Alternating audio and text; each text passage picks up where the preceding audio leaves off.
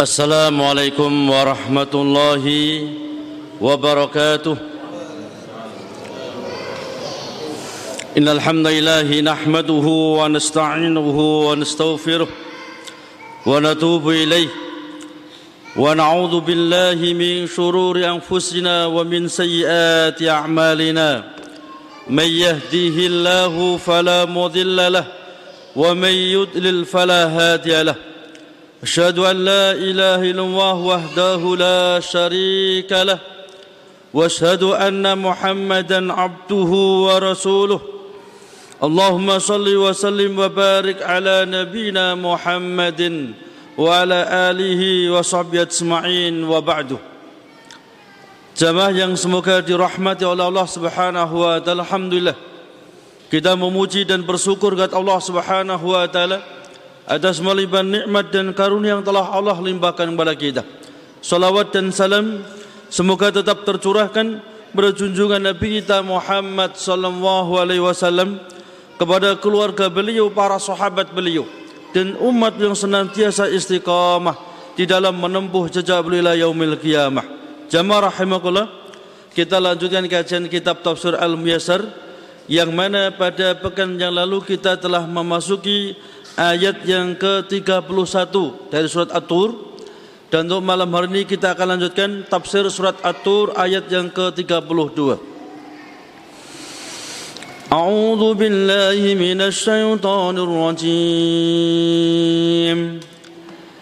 أتأمر أتأمرهم أحلامهم بهذا أم تأمرهم أحلامهم بهذا أم هم قوم طاغون أم يقولون تقوله بل لا يؤمنون فليأتوا بحديث مثله إن كانوا صادقين أم خلقوا من غير شيء أم هم الخالقون أم خلقوا السماوات والأرض بل لا يوقنون أم عندهم خزائن ربك أم هم المسيطرون؟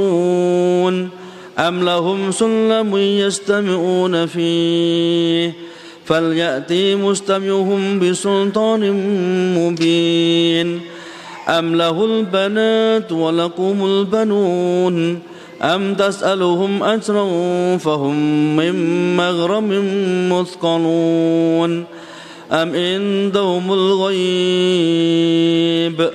فهم يكتبون أم يريدون كيدا فالذين كفروا هم المكيدون أم لهم إله غير الله سبحان الله أما يشركون وإن يروا كسفا من السماء ساكتا يقول سحاب مركوم فذرهم حتى يلاقوا يومهم الذي فيه يسأقون.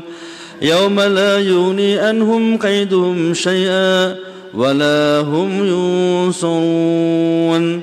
وإن للذين ظلموا عذابا دون ذلك ولكن أكثرهم لا يعلمون. واصبر لحكم ربك فإنك بأعيننا وسبح بحمد ربك حين تقوم ومن الليل فسبه وإدبار النجوم Allah Subhanahu wa taala berfirman di dalam surat At-Tur ayat yang ke-32 atamurhum ahlamuhum bihadza apakah pikiran-pikiran mereka yang memerintahkan mereka untuk mengucapkan kedustaan ini. Am humul qaum tau am hum qaumun taghun. Ataukah mereka itu suatu kaum yang melampaui batas? Bal atamuru haula'il muqadzibin ukuluhum bi hadzal qawlil mutanaqid. Apakah akal-akal mereka orang-orang yang kafir yang mendustakan firman Allah mendustakan ayat-ayat Allah mengucapkan dengan ucapan yang kontradiksi semacam itu. Yang mengatakan Muhammad adalah sairun seorang ahli sihir ataupun Muhammad sahir seorang tukang sihir tukang tenung ataupun majnun orang yang gila. Apakah akal-akal mereka fikiran-fikiran mereka yang memerintahkan mereka untuk mengucapkan ucapan-ucapan yang bohong yang saling kontradiksi semacam itu. Mengapa? Dzalika anna sifatal kahanah was-si'ra was-si'ri wal junud la yumkinu istima'uha fi anin wahidin. Bal hum qaumun mutajawizun al-hatta fi tughyan. Mengapa saling kontradiksi? Karena sifat dukun, tukang sair atau orang gila itu nggak mungkin bisa berkumpul dalam satu orang. Bahkan mereka adalah orang-orang yang melampaui batas dan mereka orang-orang yang tughyan, orang-orang yang lancang kepada syarat Allah Subhanahu wa taala. Am yaquluna taqawwalah atau mereka orang-orang kafir mengatakan taqawwalah bahkan Muhammad itu mereka-reka ngarang-ngarang Al-Qur'an. Bal la yu'minun. Bahkan mereka orang-orang yang tidak beriman. Bal ayaqulu haula'il musyrikun ikhtalaqa Muhammadul Qur'ana min tilqa'i nafsihi. Atau mungkin mereka orang-orang musyrik orang-orang kafir itu mengatakan Muhammad mereka-reka Muhammad ngarang-ngarang Al-Quran yang itu dari dia sendiri. Dikarang, dikumpulkan cerita lama dahulu dikumpulkan sehingga dibuat suatu kitab namanya Al-Quran. Jadi mereka termasuk orang-orang orientalis barat mengatakan Muhammad sangat jenius dipuji-puji dulu. Bukti kejeniusannya Muhammad bisa membuat Al-Quran dari dirinya sendiri. Ini persis perkataan orang musyrik dahulu. Persis perkataan orang-orang kafir dahulu. Mereka mengatakan Muhammad itu mereka-reka ngarang-ngarang membuat Al-Quran dari diri mereka dari dirinya sendiri balhum la yu'min. Bahkan mereka orang musyrik bahkan mereka orang kafir la yu'minun. Mereka orang-orang yang tidak beriman. Andai saja mereka beriman gak mungkin ngomong semacam itu. Andai saja mereka beriman mereka akan mengatakan Al-Quran kalamullah. Al-Quran min indillah. Al-Quran itu firman Allah dan itu datangnya dari si Allah subhanahu wa ta'ala Makanya Allah Subhanahu wa taala berfirman dalam surat Al-Baqarah Alif Lam Mim, "Dzalikal kitabu la raiba fih." Alif Lam Mim. Ini ada Al-Qur'an yang tidak ada keraguan sedikit di dalamnya.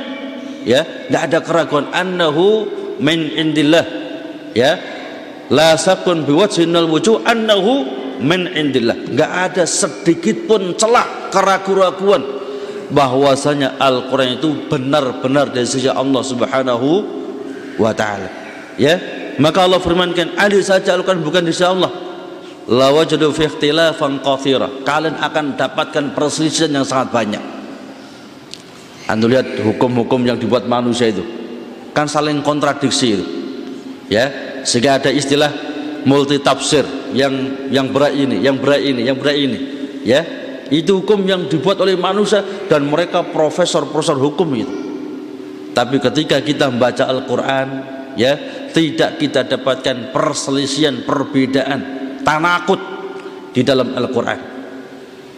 Itu membuktikan bahwasanya Al-Quran betul-betul dari sisi Allah subhanahu wa ta'ala. Bukan ciptaan Muhammad bukan karangan-karangan Muhammad tetapi betul-betul dari Allah subhanahu wa ta'ala Bahkan Allah buktikan bahwasanya Al-Quran itu bukan dari Nabi kita Muhammad SAW bukan karangan Nabi kita Muhammad SAW Allah takdirnya atau Allah takdirkan Nabi kita Muhammad SAW ada yani ar-rajulul umi seorang laki-laki yang tidak bisa baca tulis.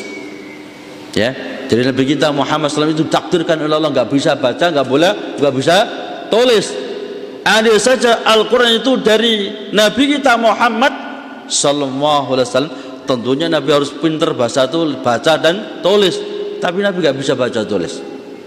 Itu merupakan kemuliaan. Ya bagi Nabi Nabi nggak bisa baca tulis itu kemuliaan bagi Nabi. Mengapa? Membuktikan bahwasanya apa yang datang ya datang yang disampaikan oleh Nabi betul-betul firman Allah, betul-betul dari wahyu Allah Subhanahu wa taala. Tapi kalau kita umat Nabi nggak bisa baca tulis itu celah. Ya, itu suatu celah, suatu kekurangan, suatu kehinaan. Umat Nabi ketika mereka tidak bisa, bisa baca tulis itu suatu celah. Ya, suatu aib Adapun untuk Nabi kita Muhammad SAW nggak bisa baca, nggak bisa tulis itu keistimewaan yang Allah tunjukkan kepada manusia. Bahwasanya Al-Quran betul-betul firman Allah bukan karangan Nabi kita Muhammad Sallallahu Alaihi Wasallam. Kemudian kelanjutan ayat. Fal ya'tu mislihi maka hendaklah mereka itu mendatangkan semisal Al-Quran. Kalau mereka menuduh Al-Quran itu adalah reka-reka karangan Nabi kita Muhammad SAW hendaklah mereka yang orang-orang fusoha orang-orang yang fasih dalam bahasa Arab mendatangkan semisal Al-Quran membuat semisal Al-Quran. Ingkanu sadiqin ketika mereka benar-benar ya benar dalam ucapannya benar dalam tuduhannya bahwasanya Al-Quran itu ciptaan karangan reka-reka Nabi kita Muhammad sallallahu alaihi wasallam. Fal ya'tu bikalamin mislil Quran. Maka hendaklah mereka mendatangkan ya suatu kalimat suatu ayat semisal Al-Quran. In kanu sadiqin fi za'mihim anna Muhammadan ihtalaqahu. Andai saja ucapan dawan mereka benar bahwasanya Al-Quran itu adalah reka-reka Nabi kita Muhammad sallallahu alaihi wasallam. Al-Quran itu adalah karangan Nabi kita Muhammad sallallahu alaihi wasallam. Mereka kan orang fasih bahasa Arab. Andai saja Al-Quran itu betul-betul dari Nabi kita Muhammad tentunya mereka juga bisa buat gitu loh. Ya Bahkan tokoh-tokoh mereka orang fusoha filukotel Arabia orang yang paling fasih dalam bahasa Arab. Mereka kumpul semuanya pun gak akan mampu untuk membuat kalimat semisal Al-Quran. Itu buktikan Al-Quran bukan ucapan makhluk. Tapi Al-Quran itu adalah firman Allah subhanahu wa ta'ala. Bahkan Musalimah Al-Qadab. Ya, Musailamah al-Kadzab yang ngaku-ngaku menjadi seorang nabi, ngaku-ngaku menerima wahyu Allah, dia pun juga membuat ayat ya, membuat ayat-ayat. Suratnya namanya surat Arnab, kelinci. Tapi orang Arab malah tertawa-tawa itu. Ini gaya bahasa itu. Ya, bukan bahasa Al-Qur'an itu. Kalau Al-Qur'an luar biasa indah itu. Contoh Allah telah, telah berfirman, "Hunna libasul lakum wa antum libasul lahun." Istri itu pakaian bagi suami, suami pakaian istri. Indah kan bahasanya? Luar biasa bahasa Al-Qur'an itu. Makanya bahkan ketika kita membaca hadis Nabi, kita pun faham itu sabda Nabi. Berbeda dengan ucapan selain Nabi. Contoh, ya, Nabi bersabda at-tuhur satrul iman. Kebersihan kesucian itu sebagian daripada keimanan. Tapi kalau an-nadzafatu minal iman biasa itu. Bahasa Arab biasa. Ya. Kalau an-nadzafatu minal iman ini bukan sabda Nabi ini. Ya. Kalau sabda Nabi itu bahasanya tinggi. At-tuhur satrul iman. Ini baru bahasa manusia. Bagaimana dengan bahasa yakni pencipta manu manusia. Nggak akan sama. Makanya ditantang oleh Allah. Kalau ucapan mereka benar, Al-Quran itu betul-betul karangan Muhammad SAW, reka-reka Muhammad SAW, hendaklah mereka membuat satu surat semisal Al-Quran. Satu kalimat saja semisal Al-Quran. Am khalaqu am samawati wal ard Saya ulangi ayat yang ke-35. Am khuliqu min ghairi say'in. Am khuliqu min ghairi say'in. Apakah mereka diciptakan dengan tanpa asal usul?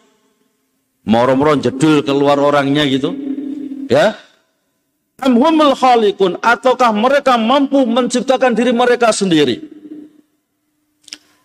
Akhuliqa haula'il musyrikun min ghairi khaliqin lahum wa mujib. Apakah mereka orang-orang musyrik, orang-orang kafir itu diciptakan dengan tanpa asal usul, gak ada yang menciptakan? Amhumul khaliquna li anfusihim? Atau mereka bisa menciptakan diri mereka sendiri? Wa kallal amraini batilun wa mustahil.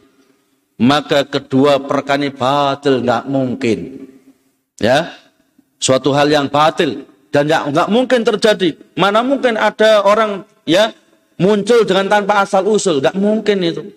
Atau apa mungkin ada orang yang bisa menciptakan diri sendiri kan nggak mungkin. Ya maka kalau mereka orang musyrik orang kafir itu ya mereka tidak mungkin diciptakan dengan tanpa asal usul. Dan juga tidak mungkin mereka menciptakan diri mereka sendiri tentunya ada yang menciptakan. Siapa dia Allah Subhanahu wa taala jadi mereka di, di, di apa itu dikasih soal soal ingkari pertanyaan pengingkaran ya kalau bahasa kita kok matuwe apa mereka itu muncul dengan tiba-tiba ya apa mereka itu bisa menciptakan diri mereka sendiri? Kok mereka kafir? Mereka musyrik. Ya. Wa yata'ayyan anna Allah subhanahu huwa alladhi khalaqahum wa huwa wahdah alladhi yastahiqul ibadah wa la taslu illa lahu. Maka jelaslah kalau mereka enggak mungkin ya diciptakan dengan tanpa asal usul dan juga tidak mungkin mereka bisa menciptakan diri mereka sendiri tentunya ada yang menciptakan yakni Allah Subhanahu wa taala zat yang berhak untuk disembah zat yang berhak untuk diibadahi dan tidak boleh dan tidak sah ibadah seseorang kecuali hanya kepada Allah kalau kita ini jalan-jalan melihat pemandangan itu jangan dilihat pak indahnya saja Gunung Semeru indah Ya. Kita harus tadabur alam. Ya. Di sana ada gunung yang menjulang tinggi, yang gagah perkasa, yang kuat. Tentu ada zat yang menciptakannya Allah Subhanahu wa taala. Ketika kita melihat lautan di Bang-Bang misalnya. Ya, namanya Bang-Bang ya. Ya. Ombaknya begitu dahsyat. Ya. Gak mungkin terjadi spontan. Ada yang menciptakan yang jauh lebih dahsyat. yakni Allah subhanahu wa ta'ala. Maka zat yang demikian yang berat untuk disembah. Bukan nyembah laut, kasih sesaji pada laut. Bukan nyembah gunung, kasih sesaji pada gunung. Bukan. Tapi menyembah hanya kepada Allah subhanahu wa ta'ala. Kalau kita sudah sadar, kita faham. Kita diciptakan oleh Allah. Kita dikasih rizki oleh Allah kita dikasih umur oleh Allah. Allah yang menghidupkan, Allah yang mematikan, Allah yang mengatur segala urusan. Tentunya kita tidak akan mungkin beribadah kecuali hanya kepada Allah. Semuanya tujuannya ya adalah tauhid, mengesahkan Allah dalam ibadah. Semuanya itu. Makanya Allah berfirman, "Wa ma khalaqtul jinna wal insa illa liya'budun. Tidaklah aku ciptakan jin, demikian pula tidaklah aku ciptakan manusia dengan diberikan sarana dan prasarana kehidupan oleh Allah. Ya, dikasih buah-buahan, dikasih biji-bijian, dikasih hewan-hewan, ya, untuk makanannya, untuk kehidupannya, dikasih matahari, dikasih air, dan dikasih angin dengan gratis oleh Allah. Tujuannya illa liya'budun supaya mereka hanya beribadah kepadaku. Maka disebutkan dalam kitab Al-Usul Salasah, ay liwahidun supaya mereka betul-betul mentauhidkan aku, menyembah, bergantung, berserah diri, bertawakal hanya kepadaku yang kepada Allah Subhanahu wa taala. Am khalaqus samawati wal ardh Apakah mereka yang telah menciptakan langit-langit dan bumi? Bala yukidun. Bahkan mereka pun nggak yakin dengan ucapannya sendiri itu. Jadi apakah mereka orang-orang musyrik, orang-orang kafir itu yang nggak mau beribadah kepada Allah, yang nggak mau mentauhidkan Allah, apakah mereka yang telah menciptakan langit dan bumi? Bahkan mereka sendiri gak yakin dan ucapannya. Kalau bumi terjadi spontan itu gak yakin dalam ucapannya.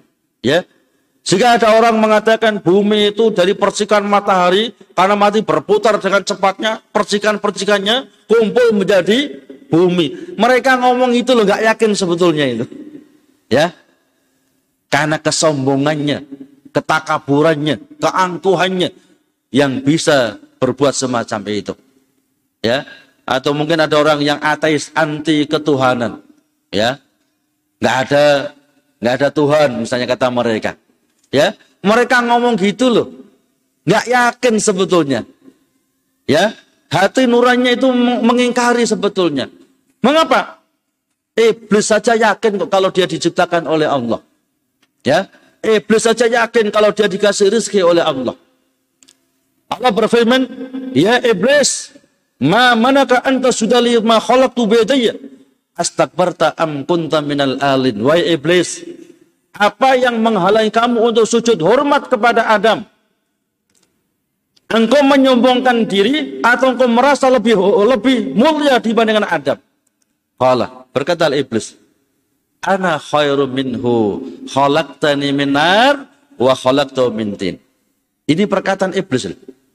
Kata iblis, Ya Allah, aku ini lebih baik dibandingkan dia Adam ya Allah. Aku engkau ciptakan dari api, Sedangkan dia Adam engkau ciptakan dari dari tanah. Iblis dulu ngakoni kalau dia diciptakan oleh Allah Subhanahu wa taala. Maka orang-orang ateis yang nggak mengakui adanya Allah kafirnya melampaui iblis. Lak nemen itu. Ya. Iblis itu tokohnya seluruh kafir, malah orang ateis itu kafirnya melebihi iblis. Di mana nerakanya nanti? Ya. Makanya kita harus belajar tauhid terus. Jangan merasa aman. Ya. Nabi Ibrahim itu ada imamnya ahlu tauhid. Pemimpinnya ahlu tauhid. Beliau pun nggak merasa aman dari perbuatan syirik.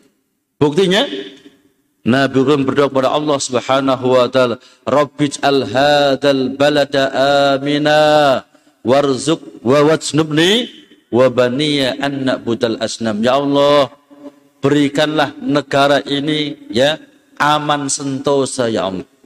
Jadi Nabi Ibrahim berdoa untuk tempat negara yang ditinggali oleh anak cucu Nabi Ibrahim, ini Makkatul Mukarramah. Ya. Maka termasuk berkah doanya Nabi Ibrahim, maka itu aman itu. Ya. Pasukannya dengan pasukan kita nggak ada apa-apanya itu. Ya. Pasukan kita hebat. Kita mengaku hebat pasukan kita ini. Luar biasa. Ya. Kalau Saudi dengan kita, jauh lebih kuat kita pasukannya, tentaranya. Ya. Jumlahnya jauh lebih banyak kita. Tapi aman. Itu termasuk berkah daripada doa Nabi Ibrahim. Bahkan kaya raya. Ya.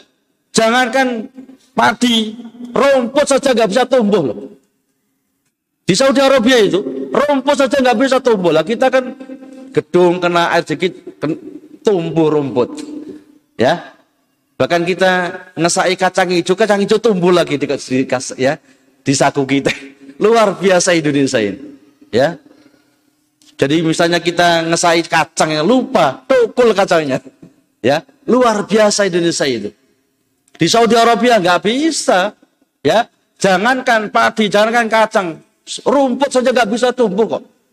Ya, tapi kaya kaya raya. Mengapa? Itu berkahnya doa Nabi Ibrahim agar anak cucunya memurnikan tauhid.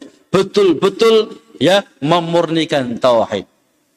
Maka ketika orang betul-betul mentauhidkan Allah, dia akan mulia di dunia, bahkan nanti di yaumil, di yaumil kiam. Ya, bahkan Allah berjanji, "Lau aman ahlul qura wattaqau la fatahna alaihim barakatim minas samil ard. Andai saja penduduk suatu negeri itu iman dan takwa, maka akan kami bukakan berkah langit dan berkah bumi. Ya, dikasih hujan nggak kebanyakan sampai rumahnya Kelly bukan, dikasih hujan yang cukup. Dan juga nggak sampai kekeringan sampai semua hewan mati bukan, ya, tapi dikasih hujan yang cukup. Demikian. Doa Nabi Ibrahim tadi, Allahumma sa'al hadal balda amina. Ya Allah, jadikanlah negara Makkah negara yang aman sentosa ya Allah. Wajnubni wa baniya anak budal asnam. Dan jauhkan aku dan seluruh anak cucuku dari menyembah berhala-berhala. Membuktikan Nabi Ibrahim nggak merasa aman dari perbuatan syirik. Lah kita belajar tauhid masih sedikit saya sudah pede sudah. Oh nggak mungkin kalau saya syirik, nggak mungkin. Ya, kadang-kadang terlalu pede kita ini.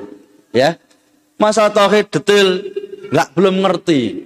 Sudah pede. Oh kalau tauhid sudah biasa itu. Sudah ngerti, nggak usah tauhid sudah.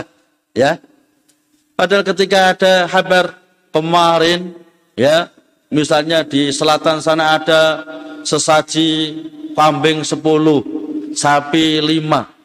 Biasa Kabarnya itu biasa. Ya. Tapi kalau ada kabar kemarin ada seorang anak membunuh ibu dan bapaknya dicincang-cincang, kaget kita. Ya, kaget. Padahal dosanya nggak ada apa-apanya itu. Syirik dengan semacam itu, itu dosa sangat besar. Tapi syirik jauh lebih besar. Nggak ada ampunnya kalau seorang itu meninggal dunia dalam keadaan syirik. Allah Subhanahu wa taala berfirman, Ya, innallaha la yaghfiru wa yaghfiru ma duna dzalika.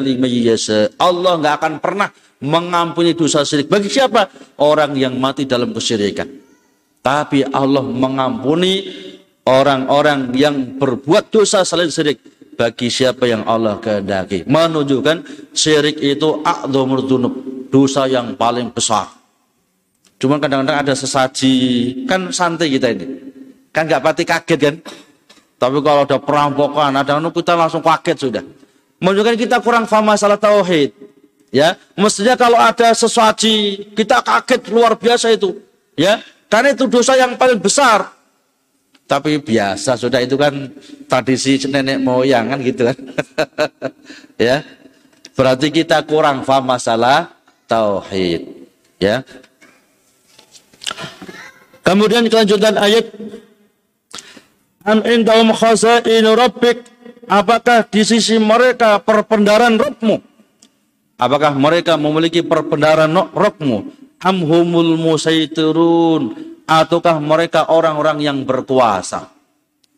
Kok mereka nggak mau beribadah kepada Allah? Kok mereka berbuat syirik kepada Allah? Kok mereka kafir kepada apa mereka penguasa mereka itu? Ya? Am indahum khazainu rabbika yatasarrafuna fiha. Apakah mereka memiliki perbendaan Rabbmu? Sehingga mereka bisa berbuat semena-mena. Karena punya punya uang ya punya kekayaan bisa berbuat macam-macam. Ya. Amhul ajabbar. Wal mutasallitun ala khalqillah bil qahri. Atau mereka seorang penguasa yang menundukkan seluruh makhluk-makhluk Allah dan memaksa mereka. Apakah mereka seorang penguasa di permukaan bumi sehingga mereka sombong tidak mau ibadah kepada Allah? Sehingga mereka sombong berbuat syirik kepada Allah. Sehingga mereka sombong kufur kepada Allah. Ya. Laisal amru kadzalik. Bal hum al-ajizuna dhu'afa. Padahal sebenarnya bukan semacam itu. Bukan mereka seorang puasa. Bukan mereka orang yang kuat. Mereka itu orang yang lemah. Ya. Segita ini, kalau nggak mau ibadah kepada Allah itu. Apa yang akan kita banggakan? Harta? Jabatan? Apa yang kita banggakan? Mengapa kita nggak mau ibadah kepada Allah Subhanahu wa taala? Ya. Bahkan kita ini makhluk yang lemah. Hujan-hujan gini kita nggak pakai payung, besok langsung warang itu. Ya kan, greges. Ya. Kita ini lemah. Dikasih hujan sedikit itu loh. Sudah greges sudah. Ya. Kalau bapak-bapak kita dulu hujan mulai pagi sampai sore, mereka biasa itu. Ya. Jadi bapak-bapak kita dulu buyut-buyut kita dulu kehujanan mulai pagi sampai sore di sawah nggak ngefek itu kuat mereka tapi kalau kita baru lima menit langsung batuk, flu, ya, pilek. Ya, kita ini makhluk yang lemah. Apa yang kita banggakan kalau kita ya nggak mau ibadah kepada Allah, nggak mau mentauhidkan Allah, nggak mau berserah diri dan bergantung kepada Allah. Apa yang kita banggakan? Fir'aun saja makhluk yang sangat kuat. Fir'aun itu seumur hidup nggak pernah sakit. Ya, batuk, pilek, flu, demam, apalagi penyakit yang ganas, nggak pernah Fir'aun itu. Ya, kuat luar biasa. Bahkan memiliki pasukan yang sangat kuat. Ya, tidak ada negara di seluruh dunia ini di zaman Fir'aun yang paling kuat kecuali negara Mesir waktu itu. Ya, pasukannya jutaan. Waktu itu loh, sudah jutaan. Ya, bukan hanya ribuan. Waktu itu, waktu zaman Fir'aun itu pakaian sudah jutaan sudah. Senjata sangat komplit. Ya, menunjukkan luar biasa. Itu pun tidak bisa mengelak dari adab Allah Subhanahu wa taala. Bahkan Fir'aun ya, jasadnya itu bumi diharamkan untuk memakannya. Jadi jasad Fir'aun itu utuh. Ya. Apa tujuannya? Untuk ibroh. Sebagai pelajaran bagi orang-orang setelahnya. Ya, bahwasanya sehebat apa pun orang, sekuat apa pun orang, sengganteng apa pun orang, secantik apa pun orang, dia akan jadi semacam ini, menjadi mayat. Ya. Jadi jangan jangan sombong, jangan takabur. Kita akan membujur besok jadi mayat. Ya? Kalau sudah 10 tahun akan hilang tinggal tengkoraknya sudah. Apa yang mau kita banggakan? Apa yang mau kita sombongkan? Kalau tidak mau ibadah kepada Allah Subhanahu wa taala Am lahum yastami'una fi Apakah mereka memiliki tangga-tangga yang tinggi menuju ke langit yastami'una fihi yang bisa mereka gunakan untuk mendengarkan wahyu Allah Subhanahu wa taala. Fal ya'ti mustamihum bisultanin mubin. Maka hendaklah mereka mendatangkan ya apa yang telah mereka dengarkan dengan keterangan yang jelas. Amlahum mas'adun ila sama yastami'una fihi al-wahya. Bi annalhum alaihi haqqun. Apakah mereka orang-orang kafir itu orang-orang musyrik itu mereka punya tangga yang sangat tinggi sampai mencapai langit sehingga bisa mendengarkan firman Allah wahyu Allah. Sehingga apa yang mereka lakukan selama ini itu benar. Nyembah lata nyembah ma'uza mana suwayagus sesaji ya tumbal ya sandingan macam-macam apa itu ya apa mereka mendengar wahyu Allah sehingga apa yang selama ini mereka lakukan itu benar. Ya. Sehingga mereka nggak mau meninggalkan kebiasaan mereka sesaji, nggak mau meninggalkan tumbal, nggak mau meninggalkan macam-macam, ya. Sehingga mereka pede luar biasa. Ini dalam kebenaran. Apa mereka mendengar wahyu dari Allah Subhanahu wa taala?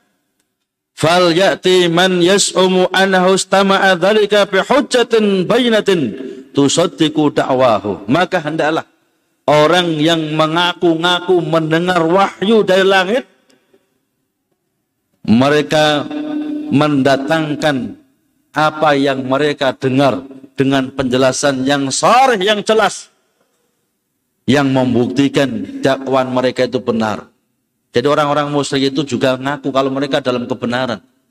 Jangan dikira orang-orang musyrik itu merasa salah. Ya.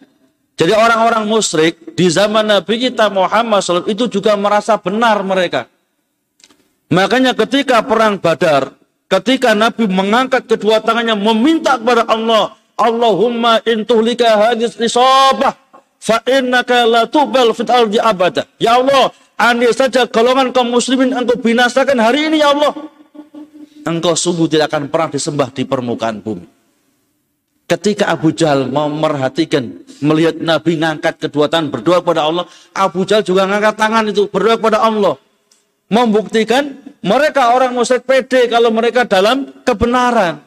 Ya, kata Abu Jahal, Ya Allah, Muhammad dan pengikutnya orang-orang yang membuat agama yang baru ya Allah. Muhammad dan pengikutnya orang-orang yang memisahkan persaudaraan kami ya Allah. Muhammad dan pengikutnya orang yang telah memecah belah di antara kami ya Allah. Hancurkan Muhammad dan pengikutnya. Ini doanya Abu Jahal ya. Lihat dari Sahih Bukhari itu. Ya. Jadi Abu Jahal nyata-nyata musyrik difonis syirik. Difonis kafir oleh Allah dan Rasulnya. Itu pun pede dia. Kalau dia masih dalam kebe kebenaran. Maka ditanyakan. Apakah mereka punya tangga ke langit? Ya. Yang bisa mendengar firman Allah sehingga mereka yakin apa yang selama ini mereka lakukan itu benar. Ya, ajaran yang selama ini mereka itu benar. Ya sesaji, ya tumbal, ya macam itu benar. Ya. Maksudnya demikian.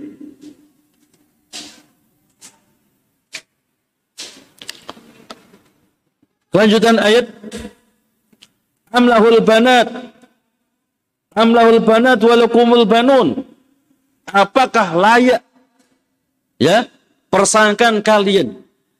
Allah itu anaknya perempuan, sedangkan kalian anaknya laki-laki. Jadi orang-orang kafir Quraisy dahulu, ya, mereka itu sangat malu kalau punya anak perempuan. Jadi ketika lahir kok perempuan langsung dipendem sudah. Jangan sampai dengar orang lain. Karena malu, gengsi mereka. Ya, aib itu. Jadi ketika begitu istrinya melahirkan ditunggoni itu. Kalau perempuan siap sudah tinggal dicemplung no di ya lubang yang sudah disiapkan langsung dipendem sudah hidup-hidup. Mengapa? Mereka sangat malu kalau punya anak perempuan. Ya, dakwan per mereka, sangkan mereka kalau anak perempuan itu hanya Allah. Kalau kami haknya adalah anak laki, laki-laki. Kata Allah, apakah layak persangkaan kalian itu? Allah anaknya perempuan, sedangkan kalian anaknya lagi laki-laki. Itu dakwan-dakwan saja. Kebohongan-kebohongan saja. Allah nggak butuh anak. Ya, kalau anak kan berarti punya istri. Allah nggak butuh pendamping. Maka keyakinan kita kul huwallahu ahad Allahus samad. Lam yalid walam yulad walam yakullahu kufuan ahad. Makanya kalau waktu ya waktu tanggal satu ya bukan satu umum itu nah, waktu tanggal 25 Desember ya ya itu kan mereka meyakini bahwasanya Allah itu punya anak laki-laki yang bernama Isa ibni Maryam istilah mereka Yesus Kristus Makanya kita nggak nggak ada ya selamat kufur itu. Mengapa? Karena keyakinan mereka itu lahirnya anak laki-lakinya Allah yang bernama Isa ibni Maryam. Lah prinsip kita Kul huwallahu ahad Allahus samad. Lam yalid walam yulad walam yakullahu kufuwan ahad. Ayat ini semua kaum muslimin hafal itu. Cuman kadang-kadang nggak paham dia. Sehingga kalau hari raya mereka selamat. Padahal itu selamat kelahiran anaknya Allah. Kufur itu. Ya. Faham maksud saya? Waktunya habis sama Jadi insya Allah kita lanjutkan pertemuan yang datang bidnillah. Kita tutup dengan doa kafaratul majlis. Subhanallah. Asyhadu an la ilaha illa anta Astaghfirullah. Assalamualaikum warahmatullahi wabarakatuh.